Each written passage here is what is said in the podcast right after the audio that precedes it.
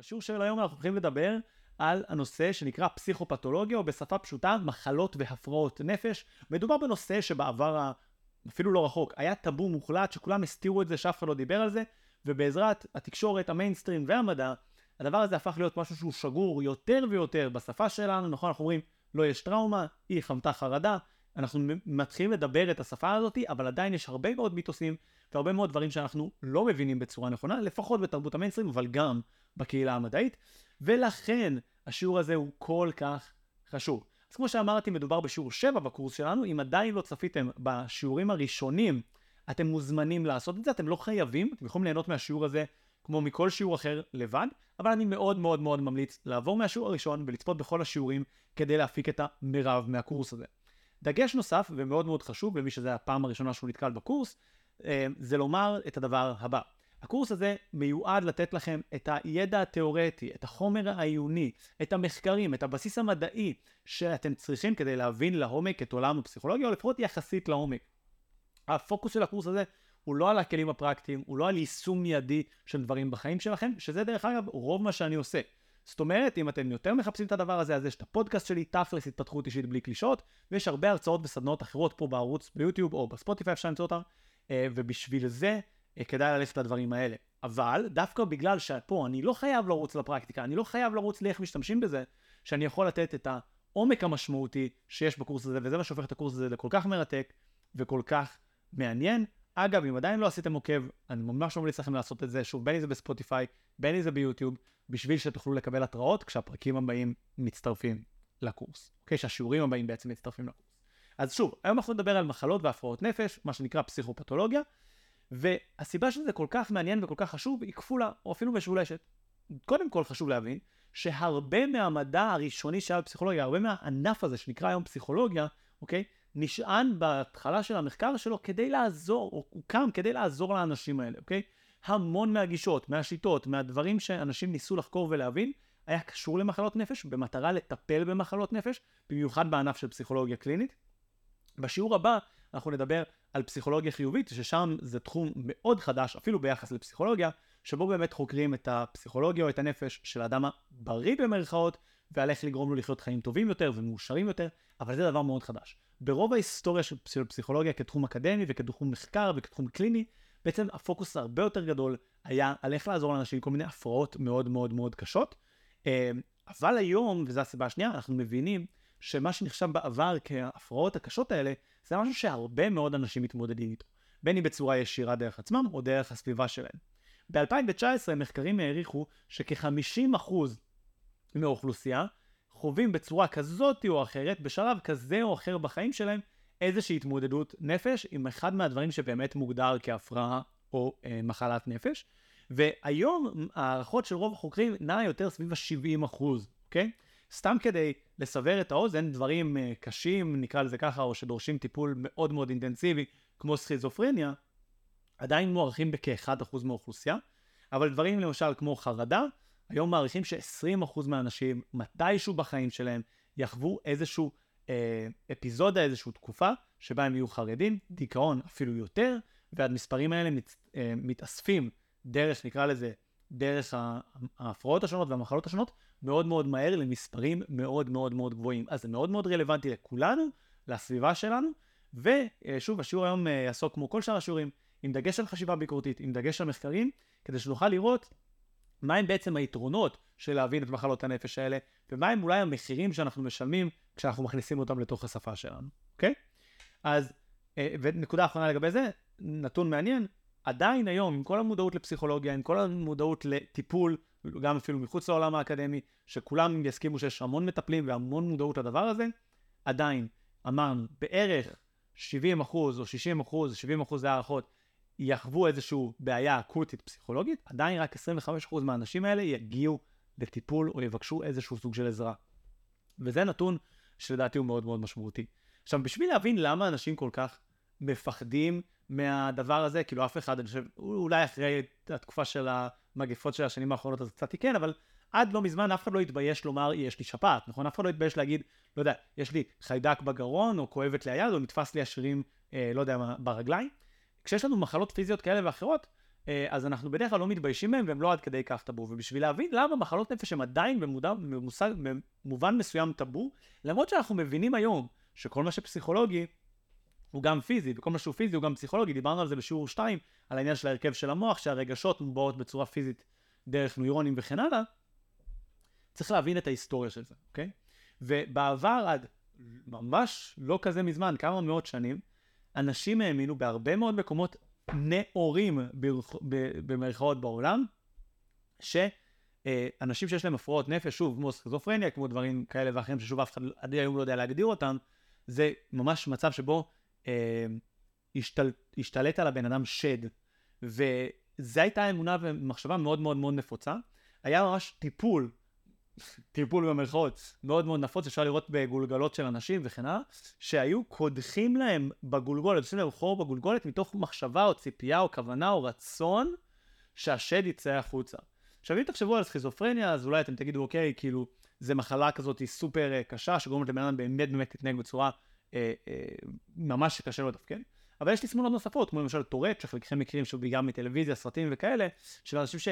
אה, לא מצליחים לשלוט בדיבור שלהם או בתנועות שלהם בכל מיני צורות.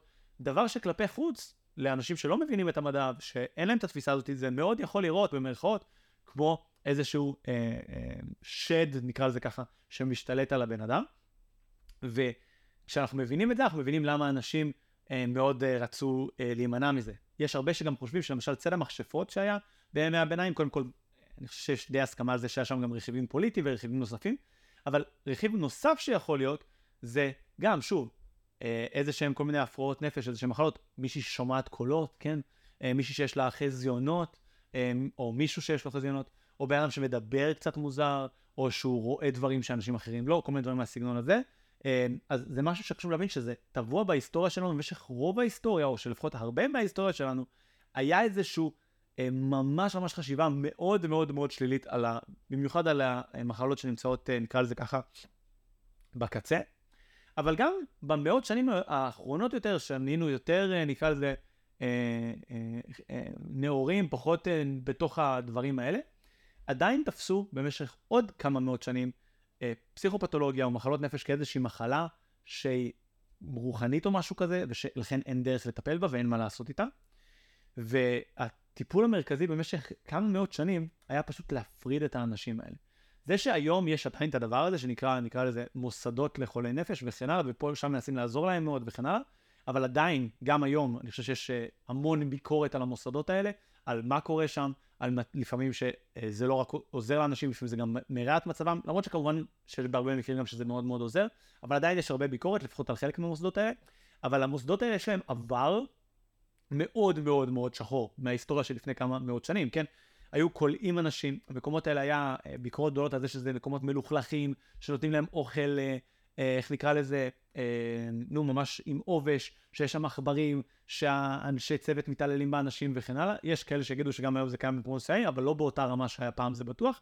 ו- והיום יש גם מקומות כמובן טובים, כן? אבל ההיסטוריה של המוסד הזה, וזה מה שחשוב לי להדגיש, לא מה קורה היום כאילו, מה קרה בהיסטוריה, ההיסטוריה של העולם הזה היא מאוד מאוד מאוד שחורה, מאוד מאוד uh, קשה. דוגמה נוספת שככה, אני חושב שככה גורמת לאנשים uh, שהמוח שלהם מתפוצץ, זה שבלונדון היה בעבר גן חיות, שחוץ מחיות, או בנוסף לגן, לחיות שהיו שם, היו שם כלובים עם אנשים. אנשים שהיו פשוט חולי נפש, ואנשים היו משלמים כסף, כן, פני, כדי ממש ללכת ולראות את האנשים המשוגעים האלה בתוך כלובים. היום זה לא נתפס, כן? בתפיסה הערכית והמוסרית שלנו היום, אבל זה מה שהיה ב-1814, 200 שנה, כן, 210 שנים, משהו כזה, 100 אלף אנשים ביקרו בשנה אחת בגן חיות הזה כדי לראות את המשוגעים, אוקיי? עכשיו תבינו, לונדון של לפני 200 שנה זה לא לונדון של היום עם 300, אה, עם סליחה, עם 10 מיליון תושבים ועוד מיליוני תיירים, דבר הרבה יותר קטן, 100 אלף, זאת אומרת זה וואחד הייתה אטרקציה. עכשיו, בשנים האחרונות, או בעשרות השנים האחרונות, כשאנחנו מבינים בעצם שכל דבר פיזיולוגי, כל דבר פסיכולוגי הוא גם פיזיולוגי, כל דבר פיזיולוגי הוא גם פסיכולוגי, שיש איזשהו חיבור בין הדברים האלה, וביחד שוב עם פרויד שדיבר על הלא מודע ועל כל מיני דברים מודחקים ומנגנוני הגנה, כל מיני פריצות דרך גם תודעתיות וגם מדעיות, גם מחקריות וגם תיאורטיות, הובילו אותנו להבנה או למחשבה או לכוונה שאפשר לטפל בדברים האלה, אפשר לעכל את החיים של הבן אדם, ואולי אפילו במקרים מסוימים, או הרבה מקרים, לגרום למחלות האלה אה, להחלים מהם לגמרי, כמו שלבן אדם יש שפעת, אוקיי? אז הוא יכול להחלים ממנה לגמרי, כמו שלבן אדם יש חיידק בגרון, לא יודע, הוא יכול להחלים מזה לגמרי, כמו שלבן אדם יש כל מיני תסמונות, יכול להיות שיכול להחלים מהם לגמרי. אז יכול להיות שמחלק מהמחלות או הפרעות נפש האלה אפשר גם להחלים לגמרי, כי בעצם אה, יש אה, הרבה דברים דומים ביניהם, נכון, אוקיי? אה, ויכול להיות שמחלק מהדברים, כמו שיש מחלות שהן כרוניות ושקשה להעביר אותן, שלא ניתן, ואפשר רק ללמוד לחיות איתן, אז אולי גם יש הפרעות נפש ומחלות נפש כאלה, אוקיי?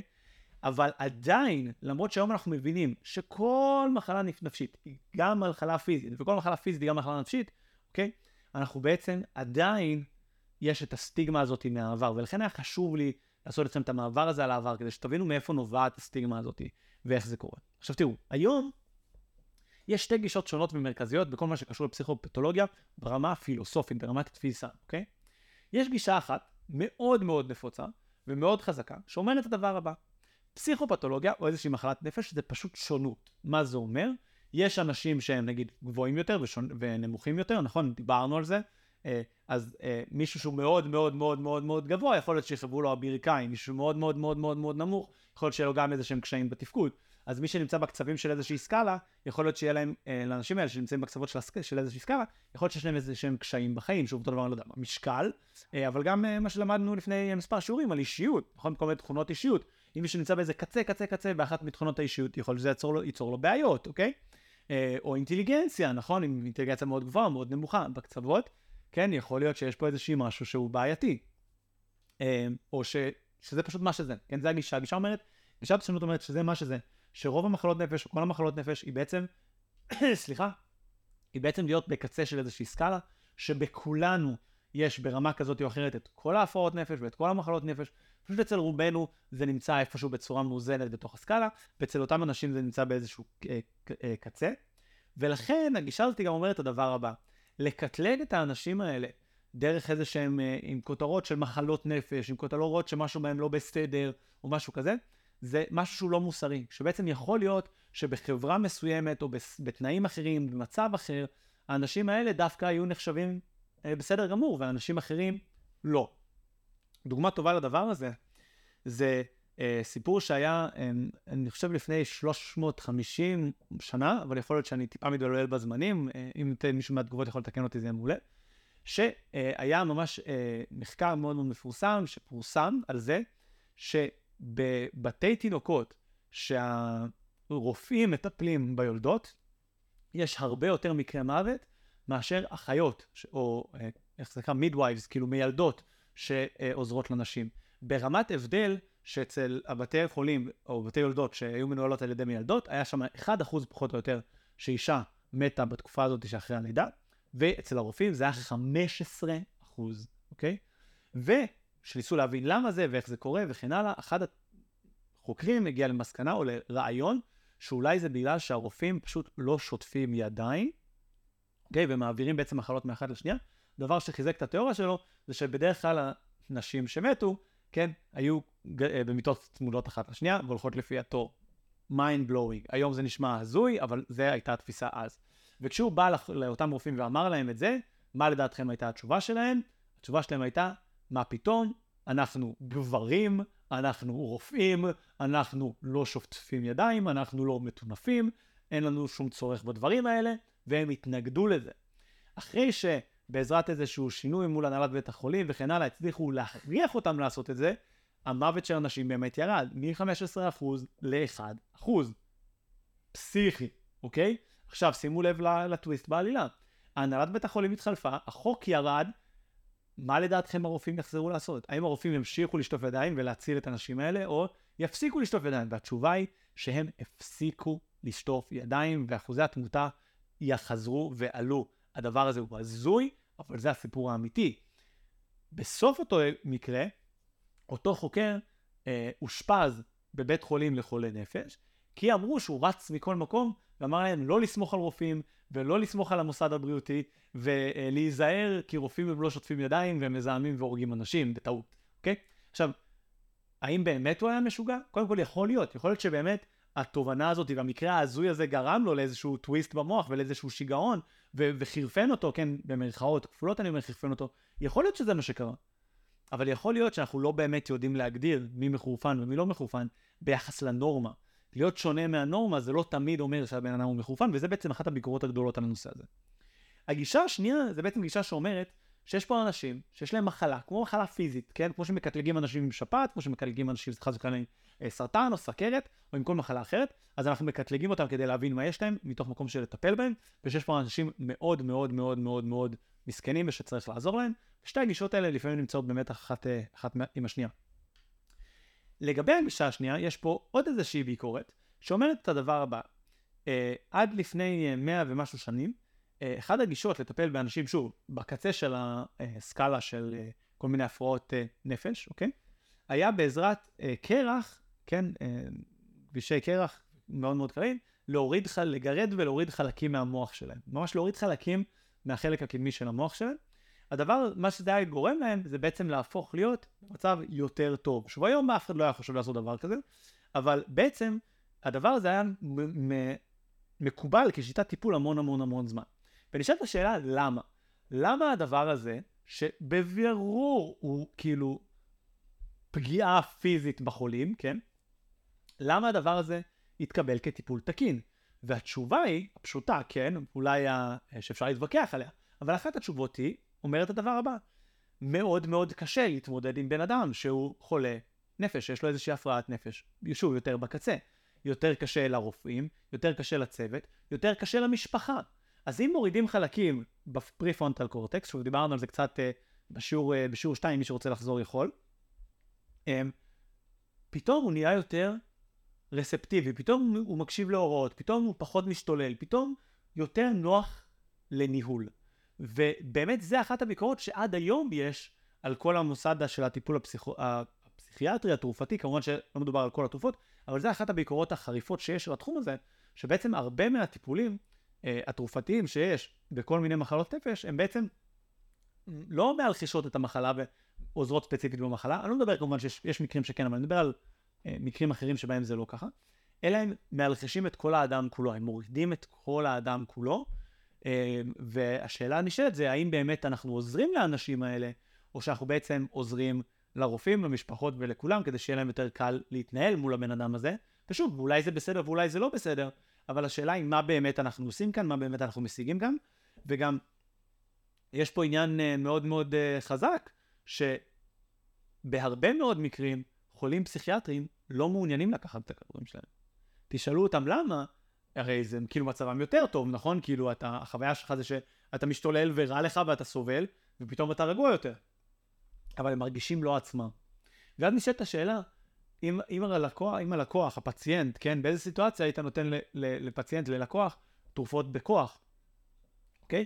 ויש פה שאלה מאוד מאוד uh, חזקה, שוב במיוחד, ועכשיו אנחנו נדבר על זה, על איך אנחנו מאבחנים בעיית נפש. כי אם לצורך העניין היינו אומרים, אוקיי, לבן אדם יש איזשהו גידול, כן, חס וחלילה, באיזשהו חלק בגוף, ואפשר לראות בצילום כלשהו שיש פה גידול, ואם לא נוציא את הגידול הזה, כן, אז הגידול ילחץ על הלב שלו, או על הריאות שלו ובן אדם יחנק או ימות, אז אוקיי, אולי שווה לטפל בו גם אם הוא לא רוצה, או אולי לא יודע מה צריך לעשות. אבל פה יש גם בעיה עם אבחון. למשל, ניתן דוגמה, ברוסיה הקומוניסטית היו מאבחנים פסיכיאטרים רוסים, אנשים שהיו אה, מתנגדי משטר במרכאות, כחולי נפש, והיו מאשפזים אותם ושולחים אותם לכל מיני מקומות, מהתפיסה והאמירה הפשוטה, רק בן אדם משוגע, רק בן אדם לא שפוי, לא יכול להבין שקומוניזם זה הדבר הכי טוב. רק בן אדם משוגע יכול לחשוב שקפיטליזם וחופש של הפרט וכל הדברים האלה שאנחנו חיים עליהם הם דבר טוב יותר מקומוניזם. והכניסו אנשים אה, ממש אה, כאילו למוסדות, אה, של, של, אה, למוסדות לחולי נפש. כן, שוב, מוסדות של חולי נפש של פעם, לא של היום, שזה פשוט דבר נורא ומזעזע, ואפילו העלימו אותם. ובאותה תקופה ממש איחוד הפסיכיאטרים של אירופה הוציא החוצה את uh, כל הרופאים uh, מברית המועצות בגלל הסיבה הזאת. זאת אומרת שיש בו איזושהי בעיה באבחון, כי השאלה היא מי קובע מה שפוי ומה לא שפוי, מה הגיוני, מה לא הגיוני. עד לפני 35 שנה פחות או יותר, ב-DSM, במדריך שעוד שנדבר עליו, הומוסקסואליות הייתה נחשבת מחלת נפש, והיום אנחנו לא תופסים את זה ככה. אז השאלה היא, אה, בגלל הבעיה של האבחון, האם הדבר הזה הוא הגיוני או לא הגיוני, האם הטיפול הזה הוא נכון או לא נכון, יש פה הרבה שאלות, גם מוסריות וגם פרקטיות. אז בואו נדבר שנייה על הבעיות שיש באבחון פסיכיאטרי, אוקיי? קודם כל, חשוב להבין, כולם, כולם לדעתי, היו רוצים שיהיה אפשר לצלם מוח של בן אדם, כמו שאפשר לעשות עם, אה, לא יודע, רנטגן לבדוק שבר, או MRI כדי לבדוק אה, כל מיני בעיות פנימיות יותר, או קולונוסקופיה, או whatever עם מצלמה, ולהגיד האם בן אדם יש לו מחלת נפש או אין לו. העניין הוא שעד היום אין תמונת מוח, אין בדיקת דם, אין שום דבר אחר שאנחנו יכולים לעשות כדי לבדוק בוודאות שלבן אדם יש באמת איזושהי מחלת נפש. ישנן היום כבר כל מיני קורלציות, למשל אנשים עם אה, הפרעות מסוימות שאזורים מסוימים במוח שלהם הם פעילים יותר או פעילים פחות, אפשר לבדוק את זה ב-FMRI, או שאזורים מסוימים במוח שלהם מוגדלים יותר או יותר קטנים מאשר לאנשים בלי המחלת נפש. אבל הדבר הזה הוא אף פעם לא אחד לאחד. מה זה אומר אף פעם לא אחד לאחד? זאת אומרת שיכול להיות שיש אנשים שיש להם את הפעילות יתר הזאת, אבל אין להם את המחלת נפש. יכול להיות בן אדם שיש לו את האזור אה, אה, המוגדל הזה, אבל אין אצלו שום בעיה. זה לא כמו חיידק בגרון שאתה יכול לבדוק, רואה שיש חיידק בגרון, אוקיי, אז הבן אדם חולה בטוח. אין, אין דבר כזה שיש חיידקים בגרון והבן אדם לא חולה, אוקיי? אז בגלל שזה לא ככה, יש אה, הרבה הרבה הרבה ויכוחים והרבה הרבה, אה, איך נקרא לזה, אה, debate, הרבה הרבה שיחות על הנושא הזה של מה כן מחלת נפש, מה לא מחלת נפש, ובגלל זה ה-DSM, שזה המדריך, שבעצם מגדיר את כל מחלות והפרעות הנפש בצורה מקצועית, שכולם עובדים איתו, כן?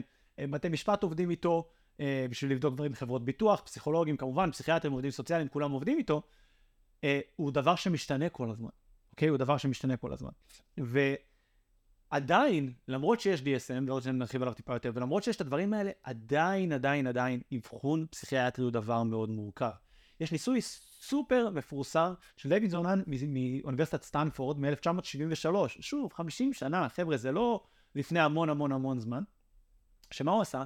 הוא לקח 20 עוזרי מחקר, שלח אותם לבתי אה, חולים אה, פסיכיאטרים, כן, באותה תקופה, שוב, זה כבר לא הבתי חולים של פעם עם העכברים, אוקיי?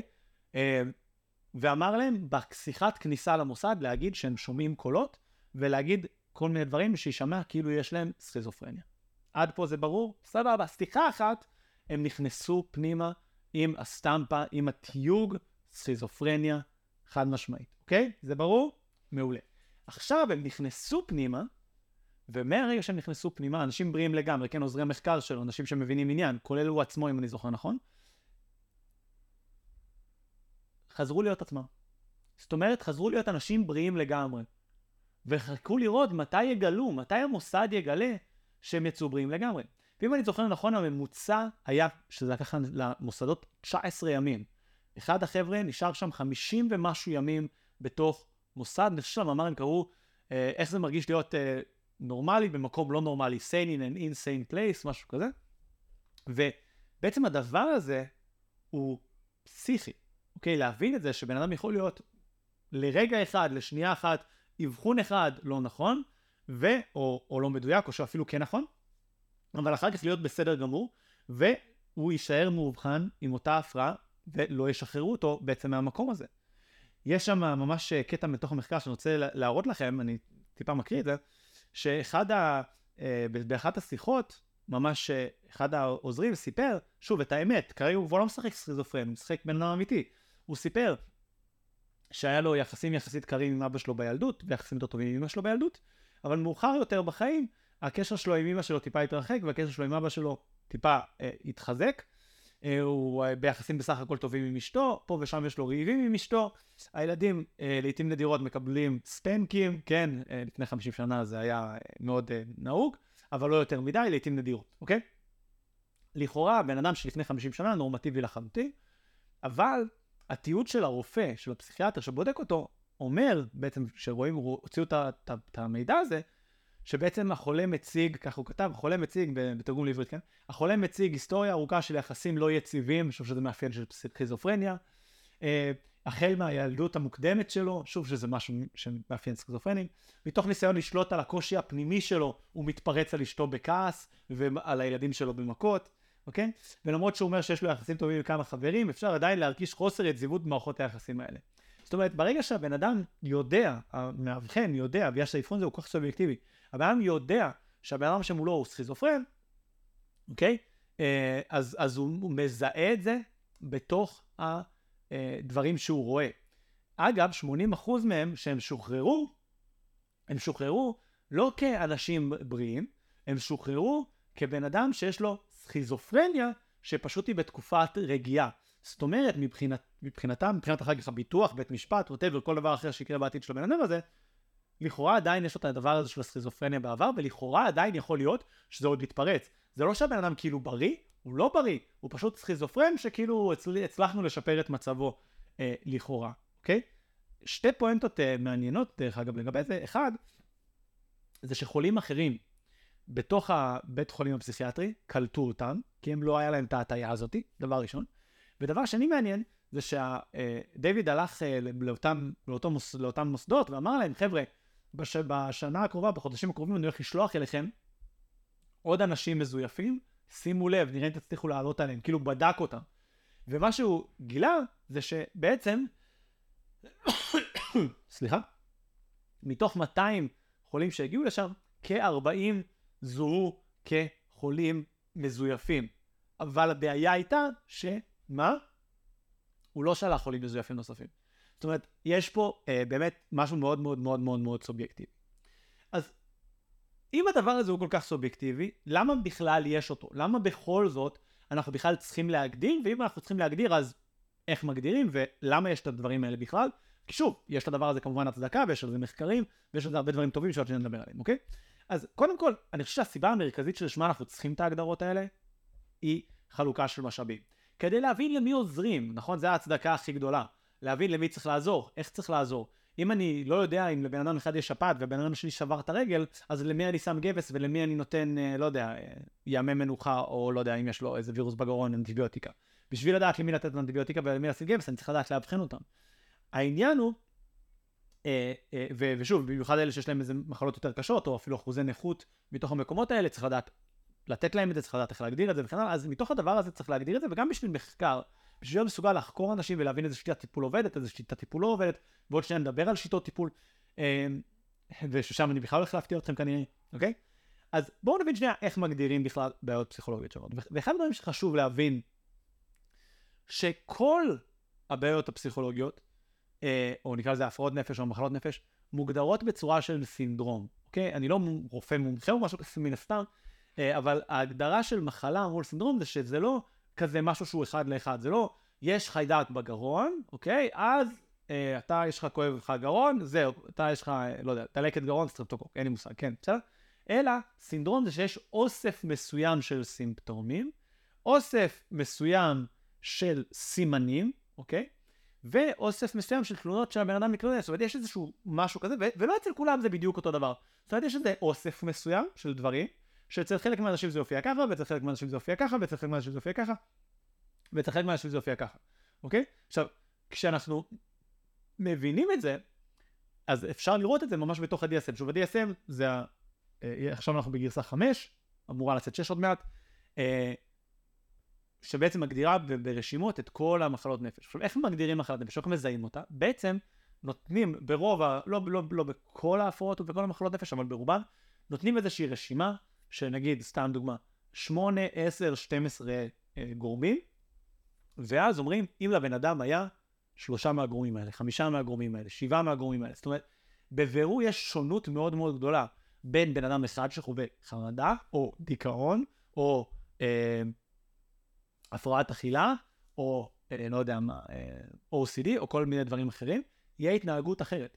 בדיכאון יש דוגמה מאוד פשוטה לזה, שיש שם עודף או חוסר שינה, עודף או חוסר אוכל ועלייה או ירידה במשקל. זאת אומרת, אנשים מסוימים יהיו בדיכאון וירדו במשקל, שוב, הירידה שלהם במשקל תהיה סימפטום שדרכו יאבחנו את הדיכאון, אחרים יעלו, אוקיי? חלק ישנו יותר, חלק ישנו פחות, בכל מקרה זה סימן שהבן אדם בדיכאון, ובתוך הקריטריונים האלה, של מה בדיוק מוגדר כעלייה במשקל, צריך לעלות יותר מקילוגרמים, פחות, שוב, בדיכאון אין את זה, אבל במקומות אחרים יש, נגיד ב...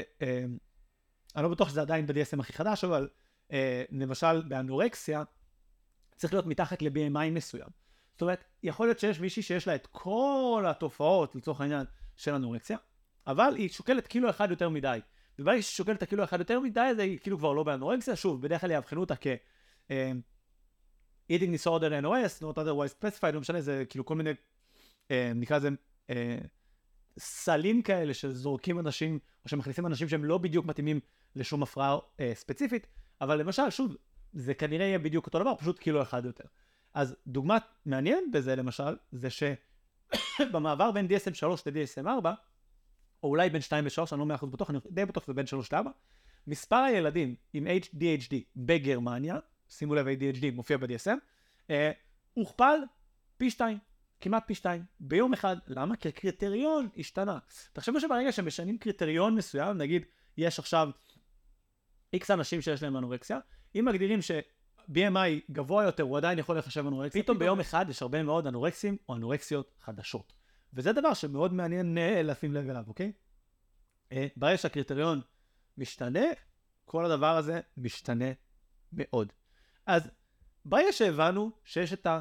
אה, נקרא לזה תסמונות האלה, שיש את הדברים האלה שכוללים בתוכם הרבה תופעות, שאנשים מסוימים מאוד מאוד מאוד סובלים אליהם. אגב, אני רק אגיד משהו, הרבה פעמים שסטודנטים לפסיכולוגיה מסתכלים על ה-DSM, או לומדים את השיעור הזה שאנחנו עכשיו לומדים, ונכנסים להגדרות של מה צריך כדי להיחשב נגיד עם דיכאון, או עם OCD, או עם חרדה, או עם כל אחד מהדברים האלה, אז כל הסטודנטים מאבחנים את עצמם, אומרים, אה, יש לי את זה, אה, יש לי את זה, אה, יש לי את זה, אה, יש לי את זה. אז קריטריון נוסף, שהוא כאילו אה, לא נמצא בצורה מופרדת בכל אחת מהאבחנות, אבל הוא כן איזשהו, נקרא לזה קריטריון על כזה, זה שההפרעה הזאת צריכה לייצר פגיעה משמעותית באיכות החיים של הבן אדם וביכולת שלו לתפקד. כלומר, זה צריך להיות משהו שממש פוגע באיכות החיים של הבן אדם. זה לא פתחתי וסגרתי את הדלת שלוש פעמים לפני שיצאתי הביתה, אז יש לי OCD, או אני שוטף ידיים כל פעם שאני נכנס מבחוץ הביתה, אז יש לי OCD, אלא מדובר במקרים, אם ניקח את שטיפת ידיים, שאני שוטף את הידיים כל כך הרבה, שאני כבר מדמם מרוב שהידיים שלי יבשות ואני ממשיך לשטוף אותם, שאני לא מצליח לעבוד מרוב שהידיים שלי כואבות, אה, ומרוב שאני כל הזמן קוטע את עצמי לצורך השטיפת ידיים, לצורך הדוגמה הזאתי, או בדוגמאות אחרות, שוב, אני לא מסוגל לעבוד כי אני כל הזמן בודק את הדלת, כן? משהו שצריך להיות פה איזושהי פגיעה מאוד מאוד משמעותית. אז כשאנחנו מבינים שיש פה את הפגיעות המשמעותיות האלה, אנחנו מבינים שאנחנו רוצים לטפל, אוקיי? אז כשאנחנו רוצים לטפל בגדול, גדול, גדול, גדול, גדול, גדול, גדול, יש לנו שתי גישות סופר מרכזיות. הראשון הוא טיפול תרופתי, הוא בעצם בא להתייחס לקונספט של הפיזיולוגי, נכון? בעצם כמו שדיברנו הרבה בקורס וגם בשיעור 2 וגם בשיעורים אחרים, בעצם כל דבר שמופיע לנו בנפש, הוא בעצם מופיע במוח באיזושהי צורה בנוירונים, בכימי, בנוירוטרנסמיטרים, בסינפסות, איפשהו שם במוח זה, זה, זה מקבל איזשהו משהו פיזי. אז אפשר להסתכל למשל על, שוב נדבר על זה אחר כך על כל מיני דוגמאות, אבל על uh, uh, כל מיני, uh, נגיד בסכיזופרניה, שוב שנגיע לזה, אז גילו שיש שם איזשהו משהו שקשור לדופמין. אז אפשר להגיד, אה, לבן אדם יש הפרשה מוגזמת של דופמין, או יש לו יותר מדי דופמין, או יותר מדי משהו בהורמון הזה, אז עכשיו יש לו סכיזופרניה. אבל זה לא בהכרח נכון, נכון? יש פה איזשהו משהו שאומר, אוקיי, יש קשר בין הדופמין, או שנבין איך גילו את זה, לבין המחלה. אוקיי? אז גישה אחת זה לנסות להבין את כל ההקשרים הפיזיים במוח שיש לאנשים כשיש להם את המחלות האלה, אוקיי? אה, בין אם זה שוב הפרעת קשב, דיכאון, חרדה, סכיזופרניה, כל דבר, אוקיי? או מהצד השני להגיד, רגע, לא, אני רוצה לגשת למוח דרך שיחה, בטיפול שיחתי. עכשיו חלק מהאנשים יגידו, אוקיי, אוקיי, אוקיי, רגע. אז אתה בא ולהגיד לי שיש שתי גישות. גישה אחת זה להשפיע על המוח דרך תרופות, גישה שנייה זה להשפיע על הנפש בעזרת שיחה. אז התשובה היא, לא חבר'ה. כשאני משפיע על המוח בתרופות, אני משפיע גם על הנפש, נכון? וכשאני משפיע על הנפש בעזרת שיחה, אני גם משפיע על המוח. אם אתם מקשיבים לשיעורים האלה, אני השפעתי לכם על המוח. דרך זה שאני דיברתי והקלטתי ואתם שמעתם, זזו סינפסות, נוצרו לכם סינפסות חדשות של למידה.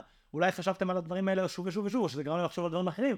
אז נוצר לכם מיילים שם במוח. זאת אומרת, אנחנו צריכים לייצר, להתנתק מה, מהדיכוטומיה הזאת של מוח פיזי, נפש, לא פיזי, כי זה בא ביחד?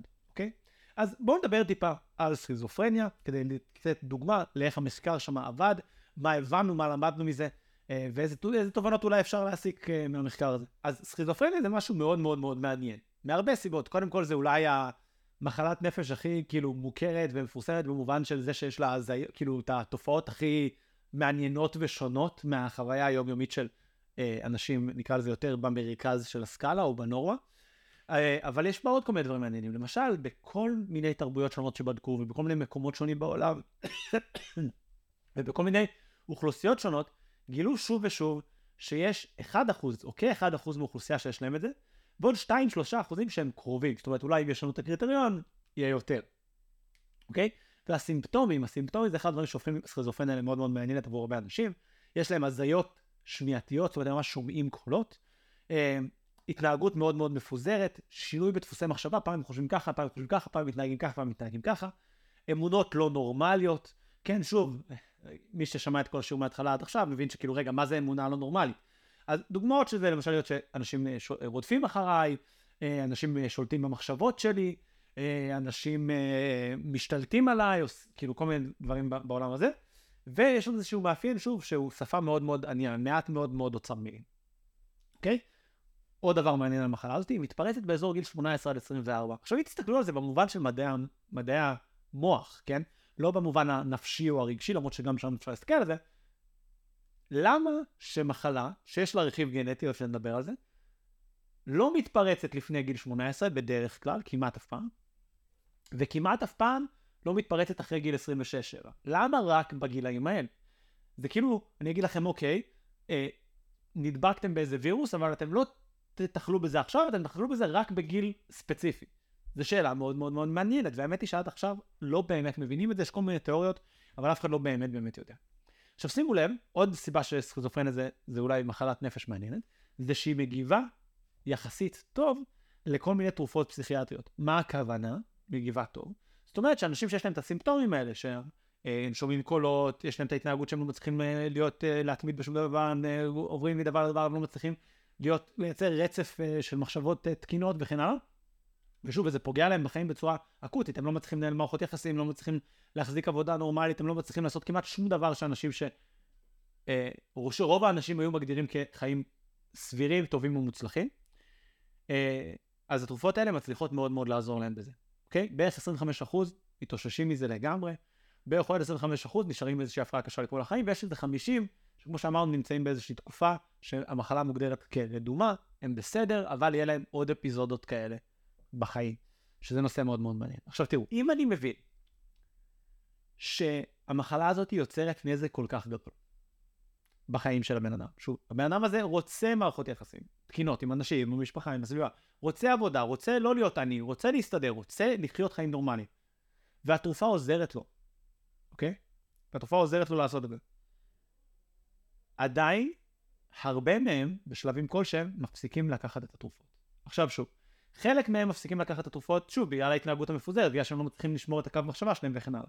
אבל הרבה מהם בוחרים להפסיק לקחת את תרופות, ואז שהם בוחרים לקחת את התרופות, הרבה פעמים מה יש להם? אפיזודה נוספת, זאת אומרת הם חוזרים למצב הגרוע שהם היו בו לפני. אי אפשר להיות אה, בן אדם נורמלי, לא יודע, סקרן, פתוח בראש, ולא לשאול את עצמנו למה. למה הם לא רוצים לקחת את התרופות האלה? והתשובה של האנשים האלה, בגדול, כן, זה שזה מרגיש שזה לא הם.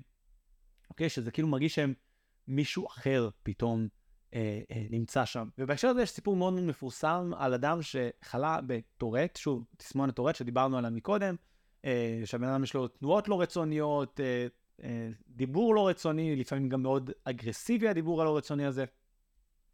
והוא היה חי חיים מאוד מאוד לא מאושרים, שוב, לפי דיווחים עצמיים, הוא אומר את זה, אוקיי? לא הצליח לנהל לא חיי משפחה שהוא מאוד מאוד רצה את זה, לא עבודה, לא שום דבר, אוקיי? בעזרת טיפול תרופתי, הוא הצליח לנרמל את הדבר הזה, אוקיי? לחיות במצב הרבה הרבה יותר מאוזן, התחתן, הביא ילדים, הצליח למצוא עבודה סבבה, סבירה, והגדיר את עצמו כבן אדם הרבה הרבה יותר מאושר. אבל אותו אדם, בתחביב שלו היה לשחק uh, פינג פונג, אוקיי? והתרופות האטו את המחשבה שלו, והוא uh, לא היה מסוגל לשחק פינג פונג נורמלי. והסיפור של האדם הזה נהיה מפורסם כי הוא דיווח שבעצם במהלך כל השבוע, נגיד ראשון עד חמישי, כן, שני עד שישי, מן הסתם, um, הוא היה לוקח את התרופות כדי להיות הבן אדם הנורמלי הזה, שמצליח לעבוד ולנהל משפחה ואת כל הדברים האלה, ולהיות מאושר יותר, אבל נהנה בסופי שבוע לא לקחת את התרופות, כדי ליהנות מהפינג פונג ולהיות האני האמיתי שלו, ככה הוא הגדיר את זה, להיות, ה... להיות מחובר יותר לעצמו. אז נשאלת פה שאלה מאוד מאוד עמוקה למה התרופות האלה באמת באמת באמת עושות לנו, אוקיי? Uh, עכשיו, בואו נדבר עוד טיפה על הסכיזופרניה, אז אמרתי שיש קשר גנטי אה, די חזק, אז כמו בהרבה דברים אחרים שדיברנו, כמו אישיות, כמו אינטליגנציה, יש עוד הרבה גורמים שאף אחד אחר לא מבין, לא, לא באמת מבין עד הסוף. ובהקשר הזה חשוב להגיד, אין איזשהו גן ספציפי וברור לשום אה, תסמין או מחלה פסיכולוגית, אה, פסיכיאטרית ידועה וגדולה ומשמעותית. יש קשרים. מה זה אומר קשרים? זה אומר שאם יש את הגן הזה, אז יש יותר סיכוי. אם יש את הסיומת הזאתי לגן הזה, אז יכול להיות שיש יותר סיכוי, או משהו כזה. אבל זה אף פעם לא, יש את הגן, יש את המחלה, אין את הגן, אין את המחלה. תמיד יכול להיות שגם אם אין את הגן, יש את המחלה, וגם אם יש את הגן, אין את המחלה, ואת כל הדבר הזה, אוקיי? אגב, עוד נקודה אחרונה שמאוד מעניינת לגבי סכיזופרניה במדעי המוח, זה שהאנשים האלה שהם סכיזופרנים והם שומעים קולות, שעושים להם FMRI, האזור השמיעתי במוח עובד. דיברנו על זה בשיעור על תפיסה ובשיעור על uh, נוירוביולוגיה, על זה שה, שבעצם התפיסה שלנו את המציאות היא לא עוברת דרך החושים, היא עוברת דרך העיניים והאוזניים וכן הלאה, אבל מה שבאמת מציג לנו את התמונה זה במוח. אז אם האזורים האודיטוריים, האזורים השמיעתיים במוח שלהם עובדים, זה הסיבה שהם מאמינים לגמרי, כי זה נשמע להם במוח בדיוק אותו דבר כמו קולות אמיתיים. הם ממש שומעים את זה ככה, אוקיי? אז אה, כמו שאמרנו, בסכיזופרניה יש טיפול תרופתי, יש לטיפול התרופתי אה, כל מיני תופעות לוואי לא טובות, כמו להרבה תרופות פסיכיאטריות. שוב, בחמש עשר שנים האחרונות, או חמש עשר שנים האחרונות, יש פריצות דרך מאוד מאוד גדולות לדבר שנקרא אה, ספציפיקציה של תרופות פסיכיאטריות, כי אני אסביר את זה בכללי, אה, עד לפני עשרים שנה או משהו כזה, אה, רוב התרופות הפסיכיאטריות גולו במקרה. מה זה אומר גולו במקרה? זאת אומרת, כל מיני דברים שחוקרים ניסו לבדוק מה הם עושים על כל מיני דברים, וגילו שהם עוזרים לאנשים כל מיני מחלות נפש. Uh, הבעיה היא שלמשל, אם uh, נגיד uh, בסכיזופרניה יש יותר מדי דופמין, סתם דוגמה, באזור מסוים במוח, אוקיי? אז התרופה, היא לא יכלה, הוא לא ידע להוריד את הפעילות של הדופמין רק באזור הזה במוח, ובעצם לנטרל את הסכיזופרניה בלי כל השאר, אלא הייתה מנטרלת את, מורידה את רמת הפעילות של הדופמין בכל האזורים במוח, וגם יש לזה תופעות בשאר חלקי הגוף. ב-10-15 שנה האחרונות באמת הייתה התפתחות מאוד משמעותית בדבר הזה, ותופעות הלוואי שהתרופות האלה נהיו פחות uh, חזקות, אבל עדיין הן מאוד מאוד מאוד קיימות, ושוב, הרבה אנשים היום לוקחים כל מיני תרופות, uh, נוגדי חרדה, נוגדי דיכאון, uh, כן, כל ה... לא אגיד שמות, אבל כל מיני סוגים של תרופות, uh, וחווים את התופעות האלה, תופעות לוואי האלה, שהן uh, הרבה פעמים לא נעימות, אוקיי? הטיפול התרופתי הוא גם מה שהוביל להרבה תיאוריות לגבי המחלה, אוקיי? אמ, בהקשר של דופמין וסכיזופרניה זה דוגמה טובה, כי גם לא רק שהצליחו בעזרת הפחתה של הדופמין, שוב אני לא אכנס היום בגיסוסים לזה, אמ, אולי נעשה קורס שלם על פסיכופתולוגיה, קורס שלם על, אה, על מדעי המוח אז אפשר, אבל בקורס הזה לא ניכנס ככה לעומק, אבל אה, זה כאילו מפחית את העצירה של הדופמין, אז זה יוצר את הפסיכוזות, את ההזיות, את כל הדברים האלה. ומהצד השני הם הצליחו בעזרת זריקות או כדורים של אמפדמין, שזה שוב עובד בצורה כדי להגביר את הדופמין, לא ניכנס שוב לעומק, אז אפשר לייצר לבן אדם שאין לו סכיזופרניה את אותן תופעות, תופעות דומות לדבר הזה, אוקיי? עכשיו, בהרבה מאוד אה, תחומים והפרעות נפשיות אחרות זה קרה בצורה דומה, בין אם זה אה, OCD או ADHD או כל מיני כאלה שאומרים לאנשים יש לך יותר מדי, ההורמון הזה לא מופרש טוב, ההורמון הזה לא, כאילו, היום זה מאוד בשיחה להגיד שכל המחלות נפש זה חוסר איזון של כימי, כימי, כימיקליות במוח. ויש, נקרא לזה, חלק מהקהילה המדעית שמאוד תומכת בגישה הזאתי, אבל חלק לא מבוטל בא ואומר בצורה מאוד, אה, בעיניי, שיש בה משהו, אני לא יודע לגמרי עם מי אני מסכים, אבל שאומרת משהו שהוא מאוד מאוד קורץ לי, שכאילו, זה שהחומר הזה מפחית משהו מסוים, ועוזר במשהו, לא אומר שזה באמת קשור לשורש המחלה. והדוגמה שהאהובה מאוד, זה שאם עכשיו אתם לא שתיתם מים הרבה זמן, ויש לכם כאב ראש, אז אם אתם תיקחו אקמול, נגיד תרחיב אה, פרסטמול, כן? אז הכאב ראש שלכם ירד, לא יכאב לכם הראש. האם בפועל, ואם אתם תמשיכו לקחת, שוב, כמו הרבה תרופות פסיכיאטריות, שלוקחים אותם תרופה ממושכת, אם אתם תמשיכו לקחת, לא יודע, שלוש פעמים ביום אקמול, אז לא יכאב לכם הראש, כן? אבל האם זה אומר שהסיבה של הכאב ראש הייתה מחסור בדם שלכם בפרסטמול, אני חושב שזה די ברור שהתשובה היא לא. ולכן, זה שיש משהו שהוא מאלחש את הבעיה, עוזר עם הבעיה, שוב, אני לא אומר לא להשתמש בזה, אבל השאלה היא, האם זה באמת באמת באמת פותר את הבעיה, או שזה רק ממסך אותה? האם באמת הבנו את שורש הבעיה? האם אנחנו באמת יודעים ברמת מדעי המוח מה שורש הבעיה? הסוג השני של טיפול הפסיכולוגי הוא מה שמכונה פסיכותרפיה, כן, טיפול בשיחה. ויש כל מיני אה, חוקים או כל מיני עקרונות, ו... אבל יש מלא גישות שונות. מלא מלא מלא מלא גישות שונות. נכון? יש טיפול CBT ויש אה, טיפול פסיכודינמי, והיום גם יש עוד מיליון דברים כמו טיפול באומנויות וטיפול ב... לא יודע מה, שירה ורכיבה על סוסים אה, טיפוליים, בסדר? העניין המדהים הוא, שאם אני מגדיר בכללי מה זה פסיכותרפיה, אנחנו נגדיר את זה כאינטראקציה חברתית, כן? שיחה, כן? או משהו חברתי שאנחנו עושים ביחד, שבה איש מקצוע מנסה לעזור למישהו אחר להתנהג ולהרגיש טוב יותר? אז פסיכותרפיה זה משהו שכאילו אה, אנשי מקצוע מוסמכים עושים, אבל גם, אה, לא יודע, אפשר ללכת לקבוצות אה, של מדיטציה, זה גם סוג של פסיכותרפיה, או ספרים של התפתחות אישית, כן? זה גם יכול להיות סוג של פסיכותרפיה. והמדע מאחורי זה, מאחורי כל הנושא של כל השיטות של פסיכותרפיה, הוא מאוד מאוד מאוד מאוד, איך נקרא לזה פאזי, לא, לא מאוד מסודר. למה? בגלל שרוב התיאוריות האלה הן כל כך גדולות ומשמעותיות, שמאוד מאוד קשה לייצר מחקרים קונקרטיים עליהן. יש לדוגמה את אה, דוקטור יפעת ויינשטיין, שהייתה מורה שלי ל-NLP, שעשתה עכשיו, אה, עכשיו מחקר אה, בפקולטה אה, לרפואה באוניברסיטת תל אביב, על איזושהי שיטה של פרוטוקול לטראומה בעזרת NLP, והשיטה, והפרוטוקול הזה הובא לאנשים שהיה להם טראומה של אחרי לידה, לא ניכנס לזה בדיוק, והראה תוצאות מאוד מאוד טובות. אבל, האם בזה שהצלחנו בעזרת הפרוטוקול הזה לייצר עזרה לנשים שהייתה להן טראומה, האם זה אומר שכל הגישות והתפיסה והפילוסופיה והזה של NLP, ששוב אני מכור ל-NLP, אני מת על זה, כן? או, האם זה אומר שזה נכון? לא, זה לא אומר שזה נכון, זה פשוט אומר שהטיפול הזה ספציפית הצליח, שמשהו שם עבד. ואחד הדברים ההזויים, הזויים הזויים שרוב האנשים לא יודעים, זה שיש המון המון מחקרים שניסו להוכיח, אוקיי? מה עובד בפסיכותרפיה. כי זה שפסיכותרפיה עובדת, זאת אומרת עוזרת בהרבה מקומות, ועוד שנדבר אולי איפה יותר ואיפה פחות, זה די מוכח, אוקיי? שוב, לא בכל דבר, אפשר עם פסיכותרפיה לעזור, אבל בהמון דברים, אה, ועזרה משמעותית, עוד שנדבר על זה, אבל מה שאף אחד לא הצליח להוכיח, זה איזה שיטה עובדת יותר. מעבר לזה, לא רק שקשה מאוד להוכיח ששיטה אחת יותר טובה מאחרת, זאת אומרת, נגיד אפילו בין CBT לשיטה פסיכודינמית לבין, אה, לא יודע, ריפוי בעיסוק, בסדר? מה יותר טוב, מה יותר יעיל, מה מביא תוצאות יותר טובות, לא מצליחים להראות את זה. מעבר לזה, לא מצליחים להראות שככל שהמטפל יותר מנוסה, או שיש לו יותר ידע, או שיש לו יותר תעודות, אוקיי?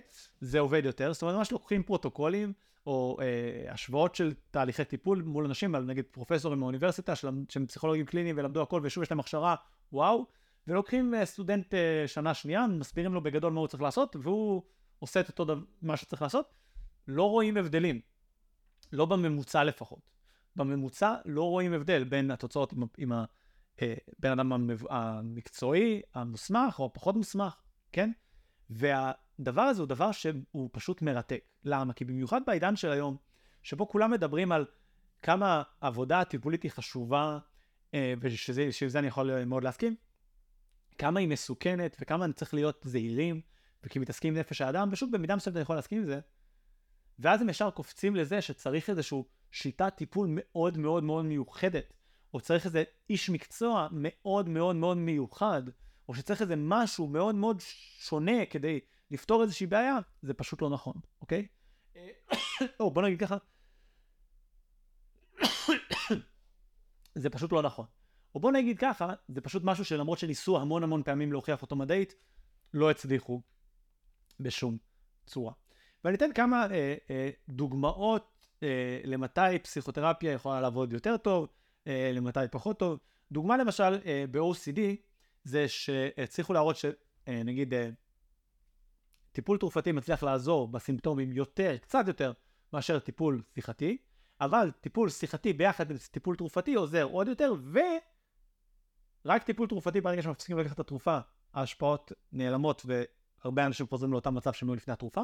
ואם משלבים טיפול תרופתי עם טיפול שיחתי, אז הבן אדם אחר כך יכול גם להמשיך לחיות חיים אה, יותר תקינים, גם אחרי שהוא מפסיק את התרופה. סתם דוגמה, אוקיי? שזה אה, דבר אה, מאוד מאוד מאוד חזק, אוקיי? יש פה את הסטטיסטיקה, 40 אחוז אה, אה, חוו נסיגה, withdrawal, כלומר חזרו לאותם דפוסים של OCD אחרי תרופות, רק 20 אחוז אם גם עשו איתם אינטראקציה של לימוד מיומנויות, ואם עשו איתם גם מיומנויות וגם עשו איתם CBT, אז פחות או יותר אפס, כן? בודדים, אבל סטטיסטית זה כאילו אפס אחוז חזרו לבעיה. שזה דבר מדהים. דבר נוסף שהוא מרתק בהקשר של OCD, זה שאפשר לראות שתמונות, צילומי מוח של אנשים לפני ואחרי הטיפול התרופתי, יש הבדלים מסוימים באזורים מסוימים במוח, והעניין המטורף הוא שאנשים שעוברים CBT או איזשהו טיפול אה, אה, פסיכולוגי נפשי שיחתי, מקבלים את אותו שינוי במוח. זאת אומרת, זה פסיכי, כן? הבן אדם קיבל איזושהי תרופה, התרופה לא רק uh, עשתה איזשהו לחוש רגעי, כן, אלה שהצליחו uh, לחוות איזושהי הקלה בעקבות התרופה, נוצר להם איזשהו שינוי באזור מסוים במוח, והשיחה, בטיפול השיחתי שאחרים עברו, יצרה את אותו שינוי במוח כמו התרופה. וזה דבר שהוא פשוט מרתק בעיניי. אגב, מסביר כמה אנחנו לא יודעים מספיק על מדעי המוח, בדיכאון זה לא עובד ככה. בדיכאון, שוב, גם טיפול פסיכולוגי יכול לעזור, גם, אה, כאילו נאמר טיפול שיחתי יכול לעזור, גם טיפול תרופתי יכול לעזור, והמוח משתנה בצורות שונות, צורה שונה מטיפול תרופתי, צורה שונה מטיפול שיחתי. למה ב-OCD זה ככה ובדיכאון זה ככה? זה לא שהרגע לא יודע, זה שיש כל מיני תיאוריות, אבל אף אחד לא באמת יודע. וזה מה שאני רוצה להעביר לכם. אני רוצה להעביר לכם פה, אחד, לפתוח לכם את הראש, להראות לכם מלא דברים חדשים שלא ידעתם. אולי, אני מקווה שכבר זה העמיק את הידע שלכם בתוך פסיכולוגיה, אבל גם להישאר עם חשיבה ביקורתית, כי עוד הרבה הרבה דברים, אף אחד, אף אחד לא באמת יודע. וכשניגשים לדברים האלה, כשאני לא יכול באמת אה, לסרוק מוח של בן אדם ולדעת מה יהיה שם, אני לא יכול באמת לעשות את הדברים האלה, אוקיי? אז אני יכול להסתכל על כל מיני דברים שקורים במציאות. למשל, שיש עכשיו, לעומת לפני 50 שנה, הרבה הרבה יותר אבחון של אוטיזם, והרבה יותר אבחון של חרדה והרבה יותר אבחון של ADHD. למה? האם יש משהו חברתי שצריך לתקן אותו, כי יש לנו יותר חרדה מאי פעם, יותר אה, דיכאון מאי פעם, שזה מה שהרבה פעמים שומעים במדיה, יותר אוטיזם מאי פעם, או שאולי פשוט לפני 50 שנה אף גננת או מורה לא ידעה מה זה אוטיזם, אז זה לא היה מאובחן, אה, ואנשים עם חרדה ודיכאון היו מסתירים את זה בלב, והיום פשוט אנחנו מאבחנים את זה בצורה טובה יותר, והדבר הזה תמיד היה קיים. האם יש משהו חברתי סביבתי שצריך לשנות אותו, או האם זה משהו פנימי שאנחנו פשוט לא היינו מודעים שקיים אצלנו, אוקיי? זו שאלה מאוד מאוד מאוד רצינית. כנ"ל לגבי ADHD, אוקיי? יותר ויותר אנשים מאובחנים עם ADHD, כן? כל מיני שנקרא הפרעות קשב וכאלה. ויש פה debate מאוד מאוד רציני בנושא הזה, יש ויכוח מאוד רציני. האם סתם מסממים ילדים? שזה גישה מאוד רצינית. שוב, זה לא גישה רק של קונספירטורים ביוטיוב, גם, אבל, ו, ו, ו, אבל זה גם גישה של הרבה אנשי מקצוע. ומהצד השני, הרבה אנשי מקצוע אומרים, לא, מצילים פה את הילדים, כי יש פה ילדים, יש ילדים שעל הסקאלה של ה-ADHD נמצאים בכזה מקום, שהם סובלים בטירוף. מצד שני, לה, יש איזה מחקר מאוד מאוד מעניין שעשו, שהוא אה, מבחינת ביצועים אקדמיים נטו, מבחינת החוויה של הילד נטו, ומבחינת הערכה של אה, מורים והורים, מה המינון המתאים של רטלין לילדים, אוקיי? ממש ככה. והראו שמורים והמורים אה, וההורים, ממש כמעט תמיד, מעריכים שכמה שהילד מקבל מינון יותר גבוה, כן, בעזרת ניסויים, הם יותר מבסוטים ממנו, אוקיי? למה? אולי כי הוא יותר מקשיב, כי הוא פחות משתולל, כי הקשב שלו יותר מרוכז, כי הוא יותר שקט, כי הוא לא עושה בלאגן בכיתה, כן, זה, זה התיאוריה. מצד שני, הביצועים האקדמיים של ילד והשביעות רצון שלו, אני מדבר על ילדים שיש להם ADHD מאוד מאוד מאוד חמור, כשיש קצת רטלין, או כמות מסוימת של רטלין, הם מרגישים הרבה הרבה יותר טוב, הביצועים שלהם עולים, מרגישים יותר טובים עצמם, אבל כשממשיכים לתת להם יותר רטלין, אז הם מתחילים לסוג ולהיות במצב גם לימודי וגם אישי יותר גרוע. ואז נשאלת השאלה, מי קובע מה המינון? כי הרבה פעמים המינון נקבע על ידי התייעצות עם המורה, התייעצות עם ההורים, כן? לא רק מה שמתאים לילד. ויש פה שאלות מאוד מאוד אקוטיות לגבי כל הנושא הזה. יש פה איזשהו אה, אה, מצב של החברה שלנו, אוקיי? מצב של החברה שלנו, שבו אנחנו לא באמת יודעים, ואנחנו לא באמת יודעים, מתוך המקום הזה שאנחנו רוצים לטפל באנשים ולעזור להם, מה באמת יעזור להם, מה לא באמת עוזר להם, וצריך להיות מאוד מאוד זהירים לגבי הדבר הזה. עוד אה, נקודה נוספת שקשורה לטיפול, כן, ואבחון, זה הנושא של אפקט פלסבו, אוקיי? הרבה שמעו עליו. יש את האפקט הזה שאומר שאם אני, או ככה חושבים, כן, שאם אני מאמין שמשהו יעזור לי, אה, בין אם זה תרופה ובין אם זה לא תרופה, אוקיי? אה, נגיד טיפול שיחתי, אז יש יותר סיכוי שזה יעזור לו, אוקיי? יש גם ביקורת על הדבר הזה שנקרא פלסבו, אנשים מסוימים אומרים שזה פשוט מה שנקרא regression to חזרה לממוצע, חזרה למרכז, אבל אני שנייה אשים את זה בצד, כי יש, אה, במיוחד בהפרעות פסיכולוגיות מסוימות, אה, מדע די טוב שמראה שהפלסבו הוא אכן פלסבו, ובעצם מה שאנחנו רואים פה, זה שכשבן אדם מאמין שמשהו עוזר לו, כן, בין אם זה כדור אמיתי, כדור סוכר שאין בו כלום, הוא מרגיש יותר טוב. בין אם השיחה הזאת שהוא עשה, הוא שיחה, לא יודע, לפי פרוטוקול מסוים שזה מישהו המציא, או, או. סתם שיחה, שאין בה איזה פרוטוקול טיפולי מטורף, אנשים חווים שיפור משמעותי, או שיפור לפעמים מאוד מאוד משמעותי במצב שלהם. ושוב, זה נכנס לתוך אותו מקום שהרבה פעמים אנחנו דואגים לאנשים, אומרים להם, לא, אל תלך למטפל על זה, אל תלך למטפל על זה, אל תלך למטפל על זה, במקום להבין שדווקא ככל שהם ילכו לטיפול, לא משנה אפילו אצל איזה משהו הזוי שאנחנו, הוא לא מדעי ואנחנו לא מאמינים בו אולי, עדיין זה יכול לעזור לבן אדם, כי שוב, המרכז של הרכיב של עזרה בפסיכותרפיה, אנחנו מזהים את זה, שזה אולי חלקית פלסבו, ואולי, ששוב, עוד שנדבר על זה, על העניין של פלסבו, איזשהו אפקט טיפולי, בפסיכולוגיה אוהבים לקרוא לזה אפקט הטיפול, שאנחנו לא באמת יודעים לייחס אותו לשום דבר. ואגב, לגבי פלסבו, אה, אני לגמרי בעד להיות שיפוטי כלפי שיטות שמשתמשות שזה רק פלסבו, שאין שם שום דבר חוץ מפלסבו. אבל יש הבדל בין גל כמדען, נגיד שהוא חוקר, שמעניין אותי לדעת מה אמיתי ומה פלסבו, מה באמת עושה הבדל ומה זה רק האמונה הפנימית של הבן אדם, לבין גל כחבר וכבן משפחה. אם למשל בן משפחה קרוב שלי אה, היה אומר לי, תקשיב גל, הלכתי לאיזה, לא יודע, משהו שאני לא מאמין בו, וזה ממש עזר לי. יכול להיות שהחלק הפנימי שלי יצא לו, מה, זה פלסבו, זה, אה, זה סתם, זה לא אמיתי, זה... אבל אם אני באמת רוצה את טובתו של הצד השני, האם כדאי לעשות את זה או לא כדאי לעשות את זה? אם אני יודע שמחלות נפש או, או הפרעות האלה יכולות לגרום לאנשים הרבה מאוד סבל, ואני יודע שבזכות ה... בין אם זה פלסבו ובין אם לא, עכשיו הוא מרגיש יותר טוב. האם אני צריך להוריד אותו או לא להוריד אותו? זו שאלה. אם מדובר פה בסקאלה גם, כן? של קצת טיפול וקצת פלסבו וקצת תרופה וקצת מוח וקצת עוד מאה דברים שאנחנו לא מבינים וקצת גנטיקה, ונשאלת כל הזמן השאלה, איפה עובר, את, איפה עובר הקו? יש גישה היום שאומרת, אוקיי, אמ, ילדים שלא מצליחים לגבוה למשל, שממש ממש ממש לא גובים. אז מעל סקאלה מסוימת נותנים להם הורמון גדילה, ואני חושב שרוב האנשים יקבלו את זה כדבר סבבה והגיוני וסביר, נכון? למשל, שאם ילד לא גדל ייתנו לו הורמון גדילה. אבל מה דעתכם על סיטואציה שבה נותנים הורמון גדילה לילד שהוא בגובה סביר, פשוט בגלל שהוא מאוד רוצה להיות שחקן לכדורסל. או ספורטאי באיזושהי צורה, פשוט רוצה להיות גדול יותר. מה דעתכם על זה, אוקיי? יש פה שאלה מאוד מאוד מאוד מעניינת. איפה עובר הסקאלה בין הוא קצת יותר גבוה, הוא קצת יותר נמוך, הוא בגובה הממוצע, לבין יש פה איזושהי בעיה שצריך לטפל בתרופתית? איפה להיות עצוב זה בסדר, ואיפה עובר הגבול שזה עצב שהוא too much וצריך טיפול תרופתי? איפה ביישנות מול חרדה חברתית? איפה להיות עם אנרגיה ולרצות לעשות דברים אל מול ADHD? ואני רוצה לסיים את השיעור הזה עם שאלה מאוד מאוד גדולה בשבילכם, ואולי אם אתם רוצים לענות לי בתגובה, אה, בתגובות, שוב, בין אם זה בספוטיפיי, ובספוטיפיי ובספוטיפיי גם אני אשמח אם תדרגו את הפודקאסט הזה חמישה כוכבים, בין אם זה ביוטיוב. אם הייתה תרופה, נגיד שהייתה תרופה, שהייתם יכולים לקחת אותה והייתם שמחים כל הזמן. האם הייתם רוצים לקחת אותה או לא הייתם רוצים לקחת אותה ולמה? אגב, אני אעשה, בוא נעשה אפילו משהו מגניב, אני אחכה שלושה שבועות, או עד סוף הקורס, כשאני אסיים את הקורס, שזה ייקח עוד אה, בטח שישה, שבעה שבועות, התגובה שאני הכי אוהב, ושלדעתי תהיה הכי עמוקה ומעניינת, הבן אדם הזה יקבל ממני פרס שווה בשווי כמה מאות שקלים לפחות. יס? Yes? אז תודה רבה על היום, ונתראה בשיעור הבא.